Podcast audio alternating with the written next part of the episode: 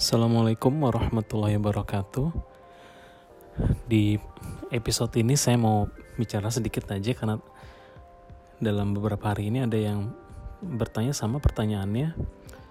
Uh, intinya adalah bisa nggak sih saya jadi UX designer walaupun uh, latar belakangnya misalnya bukan desain atau bukan dari yang uh, nyambung gitu dengan UX designer. Jawaban saya ke mereka itu adalah bahwa kita bisa jadi apa aja yang kita mau gitu ya. Jadi can be anything you want.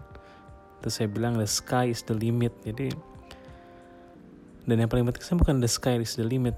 Uh, ada juga yang paling penting adalah your mind gitu pikiran kita atau uh, apa namanya diri kita sendiri yang jadi kita sering kali jadi pembatas kita untuk mencapai cita-cita atau tujuan. Karena nggak ada yang bisa ngalangi kita gitu. Kalau kita punya apa namanya uh, udah punya tekad yang keras dan punya kemauan buat mencapai sesuatu nggak ada yang nggak mungkin gitu. Apalagi cuma jadi UX designer aja gitu ya.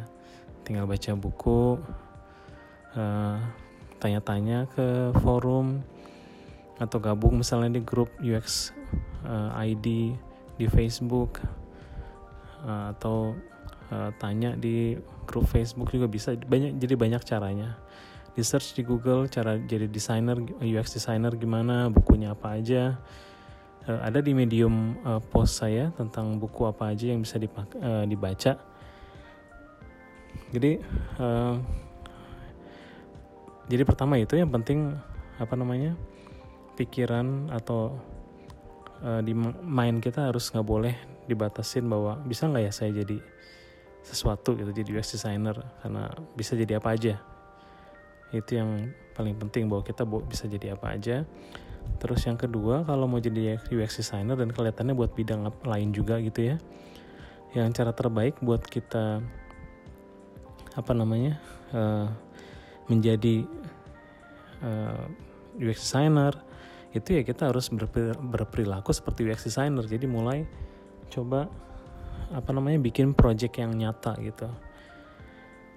Kalau belum dapat misalnya kerjaan di perusahaan yang khusus bikin uh, apa kita role-nya UX designer ya bikin project sendiri atau uh, bantu orang lain. Misalnya yang kepikiran dekat rumah misalnya ada apa ya kayak toko gitu ya coba bantu bikin websitenya misalnya. Karena proses UX designer itu ya bukan bukan hanya masalah uh, besar produknya tapi uh, gimana proses berpikirnya. Jadi kan kalaupun misalnya dia toko atau warung gitu ya nah kita kan harus mulai proses UX design dari mulai uh, apa namanya bicara dengan pemilik warung tanya uh, gimana bisnisnya, kesulitannya apa, kendalanya apa gitu kan. Uh, terus uh, dari situ desain ya kan uh, solving problems.